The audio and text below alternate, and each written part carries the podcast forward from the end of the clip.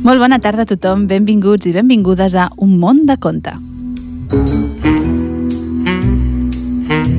El programa que, com cada dimecres de 6 a 7 de la tarda, doncs bé, fem jo mateixa la Marviera i el control tècnic en Jordi Puy. Com sempre us diem, al 91.3 de la FM, a l'emissora municipal, a Ripollet Ràdio, i per internet a www.ripolletradio.cat.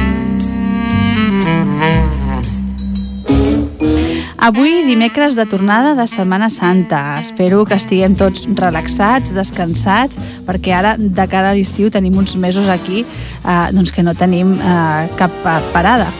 I aleshores doncs, jo espero que aquest temps hagueu tingut, hagueu tingut l'oportunitat de llegir, no només eh, per obligació, perquè hagin estat deures de l'escola o dels instituts, sinó perquè també heu volgut i heu triat alguns contes algunes històries per passar el temps.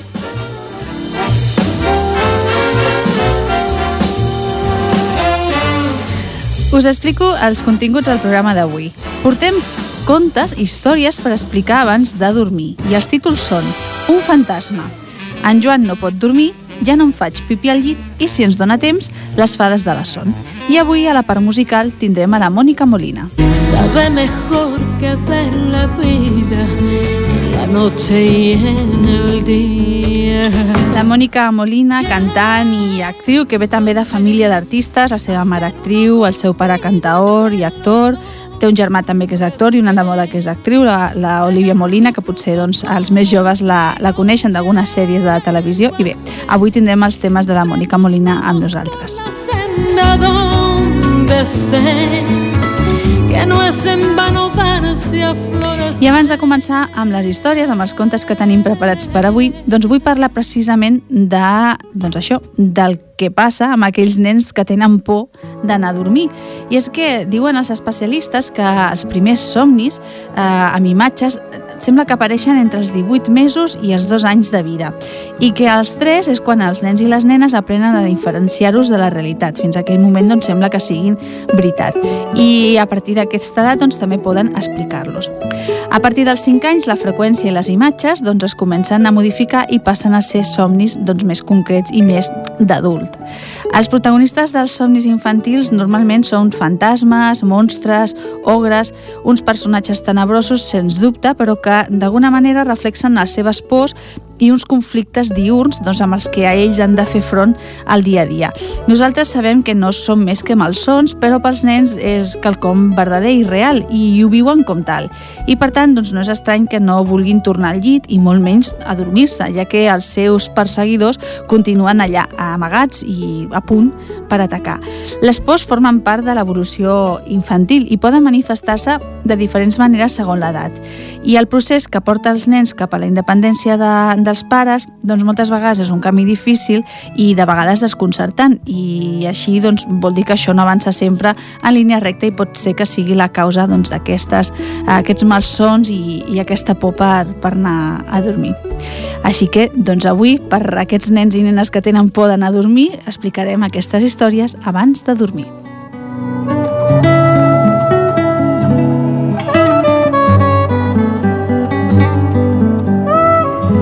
La primera, la que us hem dit que us es titula Un fantasma i aquesta és la història de la Júlia, que comença així.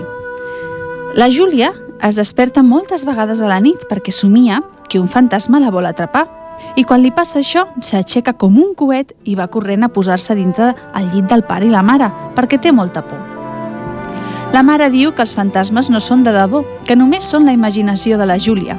Llavors s'aixeca i l'acompanya una altra vegada al seu llit. Després, amb el llum obert, comproven que no hi ha res que s'assembli a un fantasma i que tot és un malson de la Júlia. Però al cap d'una estona, la Júlia, ben adormida, torna a somniar que el fantasma l'empainta i que la vol atrapar. I molt espantada es desperta una altra vegada i es fica corrent al llit del pare i la mare. La Júlia no vol anar al seu llit i es queda dormida entremig dels seus pares. El pare i la mare estan una mica preocupats pels malsons de la Júlia i voldrien ajudar-la, però no saben com fer-ho. Al matí, mentre esmorzen, la mare li pregunta a la Júlia «Júlia, quina cara té el fantasma que et vol atrapar cada nit?» La nena, mentre es menja una torrada, pensa, reflexiona, dubta i finalment contesta «No té cara, mare». «Què vols dir que no té cara?», diu la mare. «I com té els peus, doncs?», li pregunta el pare, que les escolta mentre es pren cafè amb llet. La Júlia rumia, pensa, reflexiona, dubta i una mica amoïnada diu «No té peus, pare!»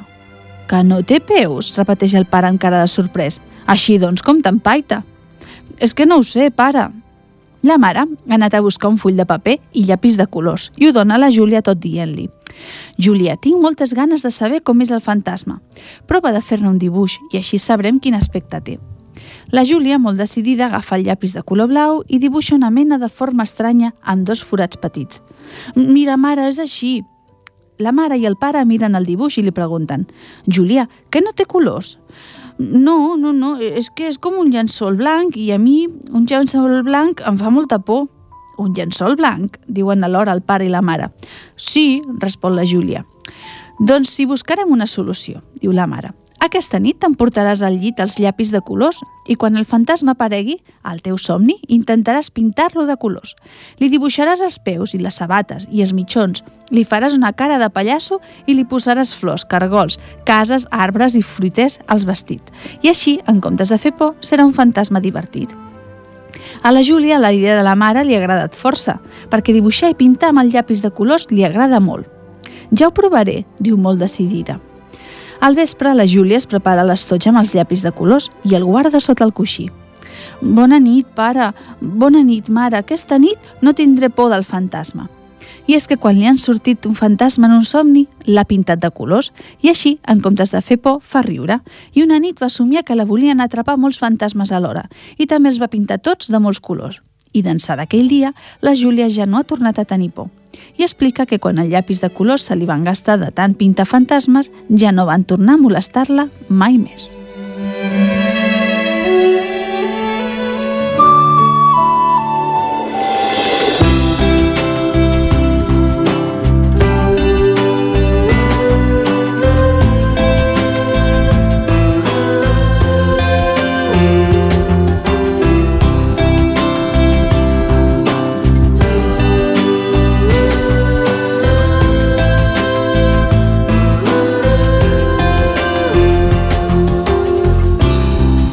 Hace tiempo que el destino separó nuestros caminos.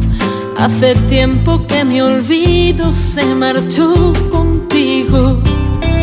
Lejos de haberlo vencido, hoy me rindo a lo que fuimos. Hoy me rindo a seguir preso de ese amor perdido. Donde sea que hoy estés, quizá quieras saber nunca entregué al ayer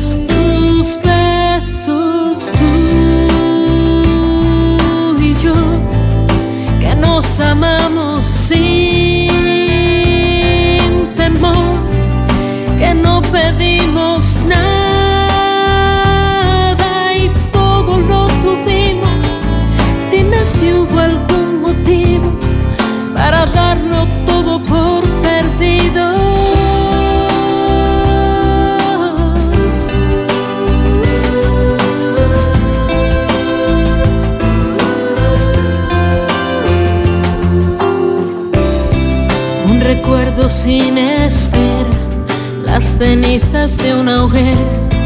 En el hueco de tu ausencia es todo cuanto queda. Con el alma a la deriva, miro tu fotografía. Ya no espero tu regreso al alba de mis días. Donde sea que hoy estés, quizá quieras saber que nunca entregué al ayer. Tus besos tú y yo que nos amamos sin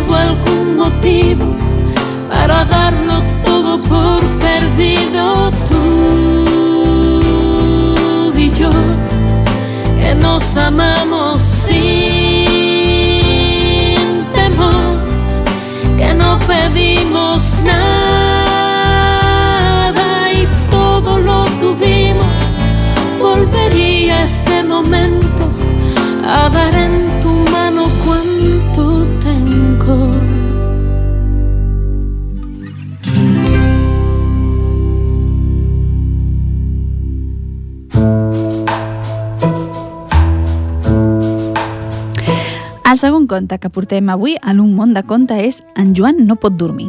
Comença així. En Joan ja fa una estona que ha acabat de sopar. Du el pijama posat i assegut al sofà està una mica endormiscat. El pare el mira i diu «A dormir, Joan, que si no demà no et podràs llevar per anar a l'escola».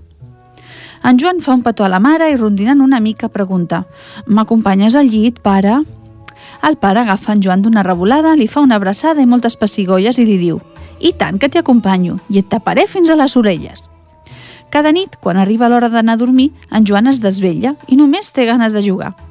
Llavors agafa el robot verd de peluix i un conte i es fica al llit. El pare li fa un petó, li desitja molt bona nit i se'n va, tot deixant la porta una mica entreoberta.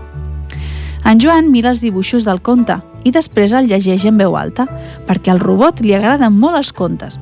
Però passa l'estona i la mare diu «Joan, tanca el llum, que és tard i has de dormir, si no demà no et podràs llevar». En Joan tanca el llum i també tanca els ulls perquè es vol adormir de pressa, però està ben desvetllat. Estirat al llit, juga amb el robot esperant que se li tanquin els ulls, però no hi ha res a fer. Els ulls d'en Joan estan oberts, rodons i grossos com dues taronges. En Joan li agrada molt cantar. Quan era petit, la mare li cantava cançons i ell s'adormia de seguida. Per això prova de cantar amb veu molt baixa perquè el pare i la mare no el sentin. Canta moltes cançons i se n'arriba a cansar de cantar, però tot i així encara no s'adorm. Al cap d'una estona, el pare i la mare d'en Joan ja són a dormir. Tots els llums estan tancats i no se sent cap soroll. A en Joan no li agrada estar a les fosques, però ja sap què ha de fer. S'aixeca de puntetes i sense fer soroll en retira una mica la cortina de la finestra. Llavors, com que és una nit que hi ha mitja lluna, entra una mica de claror. Estirat al llit veu una petita ombra que es mou a la paret, però això no li agrada i es tapa el cap amb el coixí. A poc a poc treu un ull i el nas de sota el coixí i torna a mirar per veure si encara hi ha l'ombra. I sí, l'ombra s'ha fet més grossa. En Joan té molta por, abraça el robot ben fort i crida amb veu tremolosa. «Pare! Mare! Tinc por!» Però els pares no responen perquè estan ben adormits. En Joan torna a provar de cridar els pares, però la veu se li escanya. Ara l'ombra de la paret ja és gegantina i arriba al sostre. En Joan salta del llit i se'n va a buscar els pares corrent. El pare i la mare d'en Joan, que no s'havien assabentat de res, li pregunten amb veu de son «Què et passa, Joan? Hi ha un gegant a la meva habitació». El pare es posa les sabatilles i una mica dormit entra a l'habitació. Obre el llum i busca el gegant, però no veu res. On és el gegant? pregunta el pare. Aquí, a la paret, era l'ombra d'un gegant, segur que hi era, jo l'he vist. El pare i en Joan miren la paret, però no hi veuen res. No hi ha rastre de cap ombra ni de cap gegant. Mira, Joan, ara provarem de tancar el llum i m'esperaré amb tu, a veure si torna, li diu el pare mentre tapa en Joan i la carona. Al cap d'una estona apareix una altra ombra, però ara no sembla un gegant, és com una patata. En Joan, que està molt atent, agafa fort la mà del pare tot dient «Pare, mira la paret, l'ombra ha tornat, però ara no és l'ombra d'un gegant, és l'ombra d'una patata». El pare obre el llum i màgia, l'ombra de la patata desapareix. A poc a poc s'apropa a la finestra, observa el cel i veu que un núvol rodó tapa un tros de la lluna. El pare somriu, mira la paret, la lluna i en Joan i diu «Joan, ara tancaré el llum i amb les meves mans i la llum de la lluna faré que a la paret hi aparegui l'ombra d'un gos». El pare posa les mans entremig de la, lluna, de la llum de la lluna i la paret i... «Un gos!» diu en Jan. Ho veus, Joan? L'ombra del gegant i la de la patata eren dos núvols que volien jugar a empaitar-se i que quan es posaven davant la lluna feien que les seves ombres es veiessin a la paret. Oi que t'has fixat que jo també ho he fet amb les mans? Vols provar-ho de fer tu? Però en Joan ja no li respon. Mentre escoltava el pare, s'ha quedat ben adormit i abraça el robot verd i amb el conte sota el coixí dormirà plàcidament tota la nit.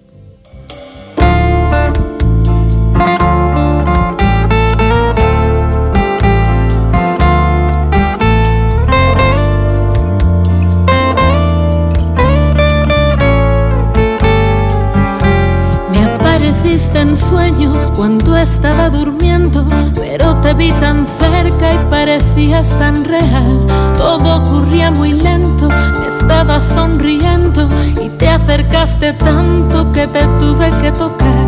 Y como siempre en sueños no pude resistirme, acercando los labios te tuve que besar.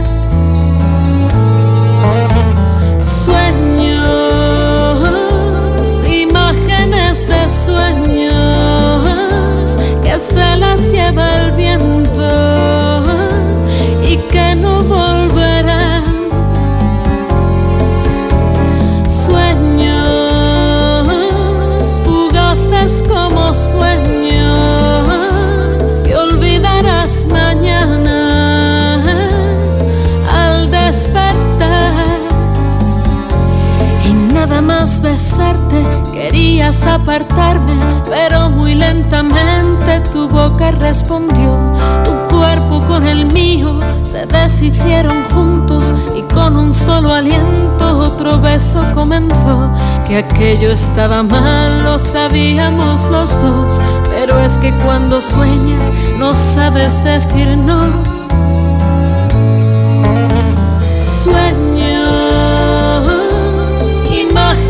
de sueños que se las lleva el viento y que no volverán. Sueños fugaces como sueños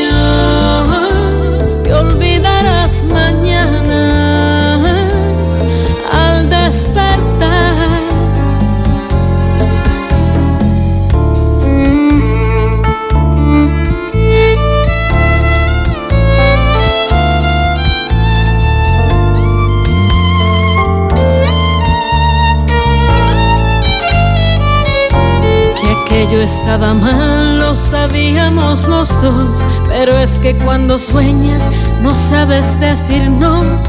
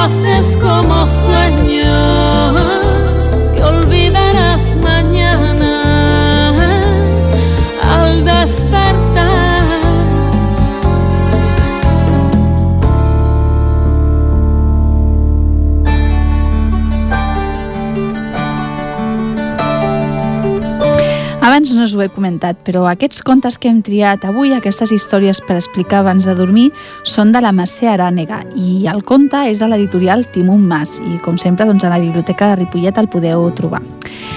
El següent conte és el que es titula Ja no em faig pipí al llit i comença així.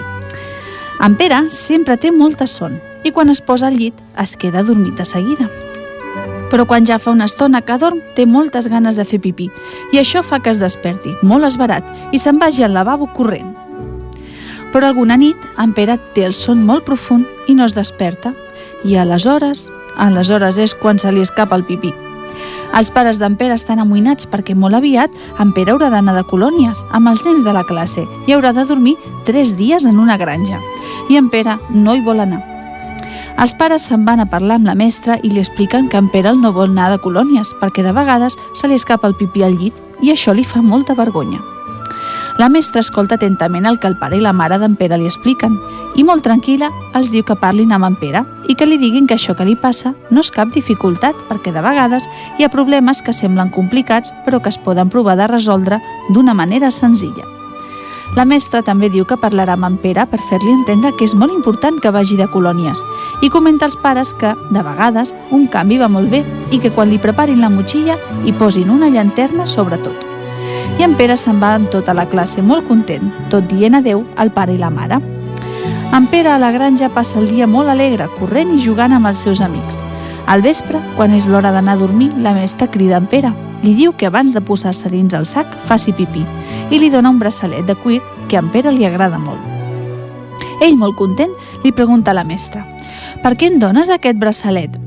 Doncs perquè te'l posis abans d'anar a dormir. És un braçalet màgic que feien servir els indis més joves de la tribu de Cherokees. Quan se n'anaven uns dies de cacera, les mares, les germanes i les àvies trenaven tires de cuir feien braçalets com aquest i els hi donaven perquè se'ls posessin i deien que es donaven molta sort i que els protegien dels problemes, sobretot a les nits. Llavors la mestra li diu a cau d'orella «Quan siguis dins el sac de dormir, obre la llanterna i posa-te'l i al matí quan et despertis comprovarem si ha funcionat, d'acord?» La mestra diu bona nit a tots els nens i tanca els llums. Llavors en Pere, dins el sac, obre la llanterna, es posa el braçalet, guarda la llanterna sota el coixí i com que està molt cansat, s'adorm de seguida. Al matí, la mestra desperta tots els nens obrint les finestres i cansant una cançó molt alegre. Tot cantant, s'apropa en Pere i li pregunta «Has dormit bé, Pere? I com ha anat el braçalet? Ha funcionat?» En Pere, molt content, treu el braç de dintre el sac de dormir i li ensenya el braçalet, mentre diu «Molt bé, sí que és màgic aquest braçalet, no m'he fet pipí!» Doncs ara treu-te'l i guarda'l solt al coixí, amb la llanterna, fins a la nit. No cal que el portis posat tot el dia, perquè només funciona a la nit, diu la mestra. En Pere es passa els tres dies a la granja jugant i aprenent moltes coses. Totes tres nits, però, dorm amb el braçalet posat, tal com la mestra li va dir, i cap de les tres nits no se li escapa el pipí. Quan s'acaben les colònies, la mestra li diu a en Pere que li regala el braçalet i que se'l pot endur a casa seva. I cada nit, en Pere, quan és dins el llit, es posa el braçalet màgic. Sempre li ha funcionat molt bé i mai no ha tornat a fer-se pipí al llit. Però hi ha algunes nits que en Pere es despista i no es recorda de posar-se'l. I llavors resulta que tampoc no se li escapa. Es veu que es deuria deixar oblidats els pipís al llit de la casa de colònies de la granja.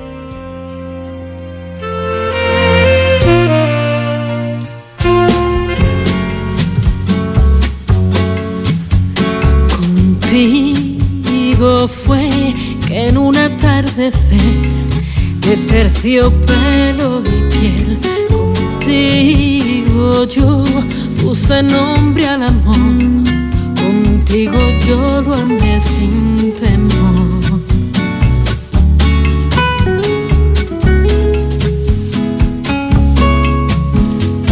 Por haberte conocido, he sabido que es mejor será tener que por más que haya perdido o haya que perder, no cambio lo vivido, no.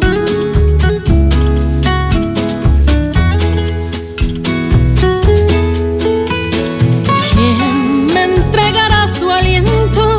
¿Quién a mi vuelo traerá su viento a este cielo? ¿Quién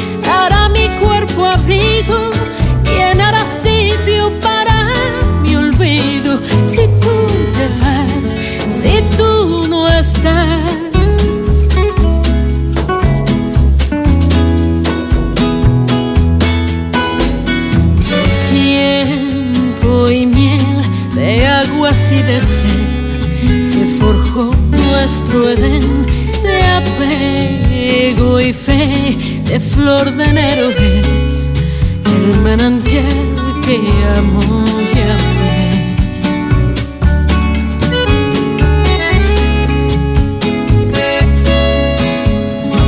Por haberte conocido, he sabido que entregarse no es perder, que a pesar de lo vivido, siento que valió la pena estar contigo, amor.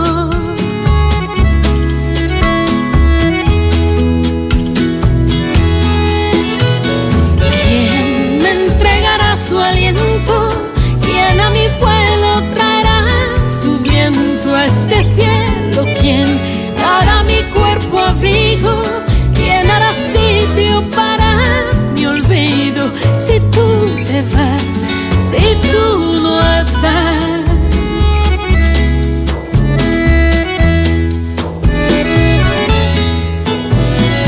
Por mucho que haya perdido o haya que perder, no cambio lo vivido.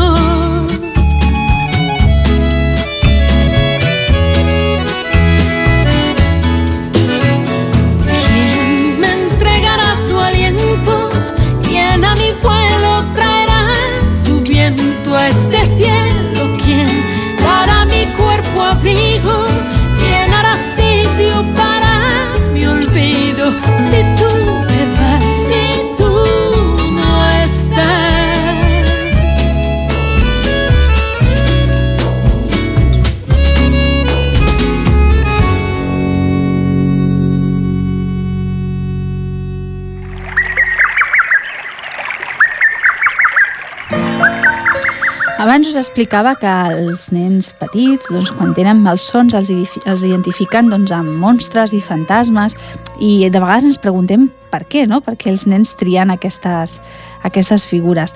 Doncs, tot i que sembla estrany, la ment infantil se sent molt a prop de tot tipus de figures fantàstiques i, per tant, doncs, no ens ha de sorprendre que, que les pors que tenen no? doncs, als adults o a situacions difícils d'alguna manera les projectin en això, en mon monstres, fantasmes, dragons, ogres i tota aquesta mena de personatges fantàstics. El següent conte també parla d'uns personatges fantàstics, però en aquest cas són les fades, eh? un personatge que moltes vegades surt en els nostres contes. Es titula Les fades de la son i comença així. Avui en Nico ha anat a dormir a casa de l'àvia perquè els pares han anat a sopar a casa d'uns amics i s'ha preparat una bossa amb el pijama, el raspall de les dents i una muda per canviar-se. A Nico li agrada molt anar a dormir a casa l'àvia perquè té un llit molt gran. L'àvia li explica que en aquell llit tan gran hi havia dormit sempre la mare abans d'anar-se'n a viure amb el pare i que la mare sempre l'havien de despertar de tant de gust que hi dormia al llit. Després de sopar, l'àvia està molt cansada i mentre en Nico juga amb el gat, fa una becaina al balancí. El gat, jugant amb en Nico, tomba un pot ple de galetes que hi ha al prestatge i l'àvia es desperta una mica sobresaltada. Mira l'hora i... A dormir, Nico, que és molt tard, diu l'àvia. Però si encara no tinc son, àvia, rondina en Nico. No pateixis que la son ja vindrà, però espera-la al llit. En Nico no la vol fer enfadar i com que el llit de casa l'àvia li agrada molt, se'n va corrent a l'habitació. Quan és a punt de ficar-se al llit, en Nico troba a faltar el seu os, mira dins la bossa on ha dut el pijama i s'adona que se l'ha deixat a casa. Com que sempre dorm amb el seu os, en Nico s'entristeix una mica i es fica al llit. Però tot i que el llit és molt gran i molt tou, no pot dormir perquè troba a faltar el seu os i està molt desvetllat. Àvia, crida en Nico, m'he deixat l'os a casa i no puc dormir. L'àvia s'apropa al llit i amb un somriure mira en Nico i li diu no pateixis, Nico. Aquí a casa de l'àvia no cal tenir l'os. Jo sóc molt amiga de les fades de la son. Les avisarem perquè vinguin i les fades t'ajudaran a dormir plàcidament. I com les podem avisar, les fades? Pregunta en Nico molt sorprès. Aquestes fades se les avisa cantant, diu l'àvia. I on viuen? Pregunta en Nico. Doncs viuen a prop de les cases on hi ha nens que els costa dormir. Són petites i brillants com les estrelles. Només surten a la nit i venen quan es canta una cançó amb veu molt baixa i a poc a poc. Ara la cantaré i ja veuràs que les fades vindran i que tu començaràs a tenir una son molt dolça. En Nico, amb els ulls molt oberts, escolta atentament com comença la cançó que l'àvia canta. Però al final de la cançó ja no el pot sentir perquè s'ha quedat ben adormit amb un son molt profund. Al matí, una olor molt bona de xocolata desfeta i coca desperta en Nico. Bon dia, Nico, que has dormit bé, diu l'àvia. Molt bé, quina olor més bona, tinc molta gana. Mentre l'àvia i en Nico es mengen la xocolata desfeta amb coca, truquen a la porta. Són el pare i la mare que venen a buscar en Nico. La mare porta l'os a la mà i molt preocupada diu «Té, Nico, et vas deixar l'os». «Gràcies, mare», contesta en Nico i abraça l'os. Pobre Nico, li diu la mare a l'àvia, segur que li devia costar molt de dormir-se. Ah, no li va costar gens, contesta l'àvia. No, mare, no em va costar gens ni mica, diu en Nico. Tot i que vaig trobar l'os, em vaig a dormir ben de pressa, perquè l'àvia és molt amiga de les fades de la son. Les fades de la son? pregunta el pare. Sí, pare, he dormit tan bé, tan bé, tan bé, que vull aprendre a cantar com l'àvia, perquè així, quan estigui molt desvetllat, les podré fer venir. I tant, Nico, diu la mare molt contenta. Quan jo era petita com tu, l'àvia ja era amiga de les fades de la son i les avisava amb una cançó que m'agradava molt. Ja te la cantaré jo una nit que estiguis desballat. Per tant, si no podeu dormir, proveu de cantar alguna cançó a poc a poc i en veu molt baixa, com ho va fer l'àvia, i llavors potser vindran les fades de la son.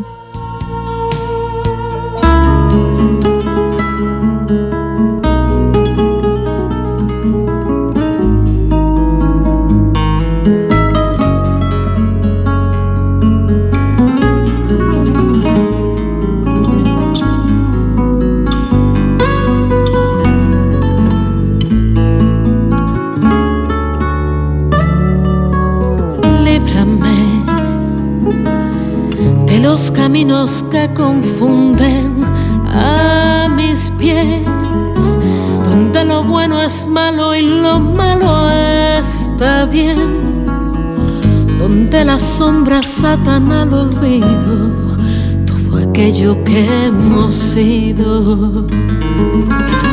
Líbrame de las verdades que se forjan dolor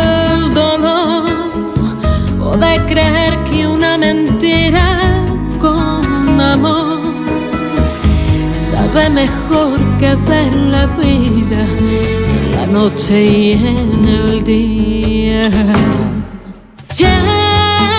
Llévame a ser uno contigo entre los hombres que dan su fruto como el trigo. Llévame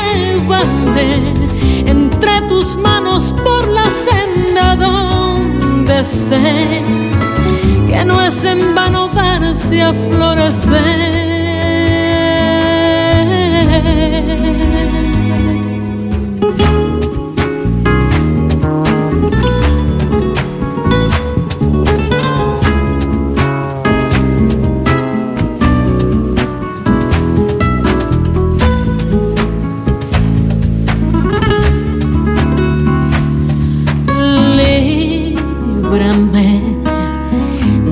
La voz que juzgue a otros sin saber, o del silencio que consienta detener el paso del auxilio a un lamento abandonado a los vientos. Líbrame de los locos que viven con el arma en pie de los cuerdos que les pagan con su fe, de los que arden como un fuego hueco y queman lo verde y lo seco. Llévame a ser uno contigo entre los hombres que te den su fruto como el trigo. Llévame manos por la senda donde sé que no es en vano darse a florecer.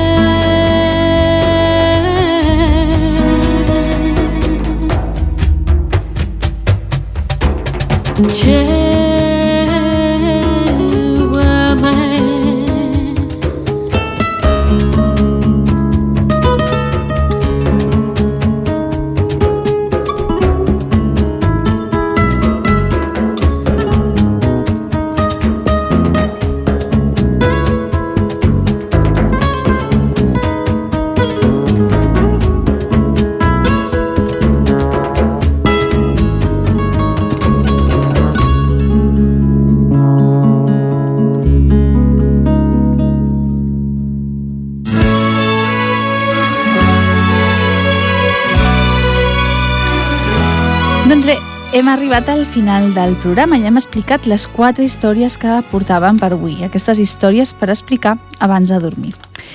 El passat dissabte, i això no ho hem comentat abans, a la nit vam avançar el rellotge una hora. I això què fa? Doncs fa que els dies siguin una miqueta més llargs i que tinguem més hores de llum al vespre. Això em fa pensar doncs, que també podem tenir més estona per poder llegir, potser a l'aire lliure o potser quan estem a casa, quan acabeu les feines de l'escola, quan acabeu de jugar, perquè jugar també és molt important, o bé abans de sopar. I bé, doncs amb aquest desig de que tingueu més estona per llegir i per descobrir històries i personatges, us deixem. Espero que ens puguem trobar en propers programes, desitjar-vos un bon final de setmana, un bon cap de setmana i ens, ens veiem a la propera. Una abraçada.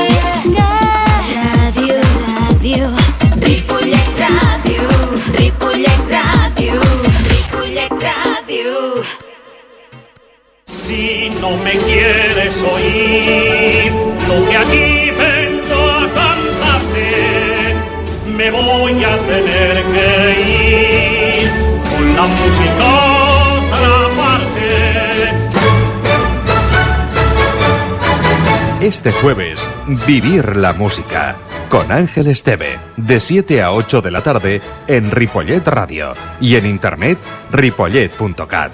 Y se repite el domingo a las 11 de la mañana. Vivir la música. Las historias de la historia, con las anécdotas y los argumentos de la música culta, de la ópera y de la zarzuela. Este jueves, de 7 a 8 de la tarde. Vas al llit sense sopar si perd el Barça. Plores amb els discursos de l'11 de setembre. Quan et truquen al mòbil sonen els segadors i et poses en peu. Et dutxes amb un barnús de la senyera. I dius que no t'agraden les sardanes? El teu diagnòstic és massa clar. Mai n'has escoltat cap amb les orelles tan obertes. A Ripollet Ràdio fem un programa de sardanes per la gent d'abans, la d'ara i fins i tot la que marxa quan ens sent parlar. Què et semblaria escoltar-nos encara que fos per fer una cosa diferent? A Ripollet Ràdio les sardanes tenen entitat pròpia, Ripollet Sardanista. Els divendres de 5 a 6 de la tarda. Ripollet Ràdio 91.3 Ripollet Ràdio.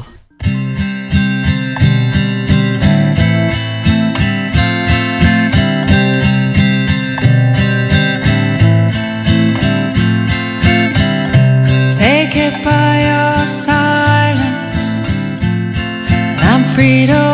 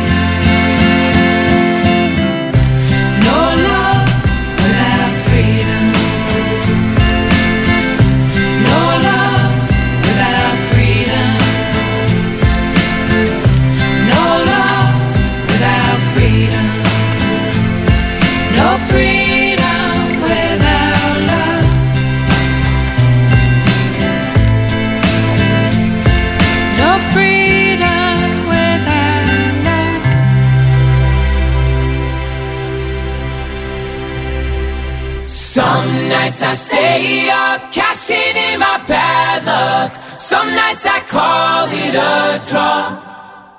Some nights I wish that my lips could build a castle. Some nights I wish they just fall off. But I still wake up, I still see your ghost. Oh Lord, I'm still not sure what I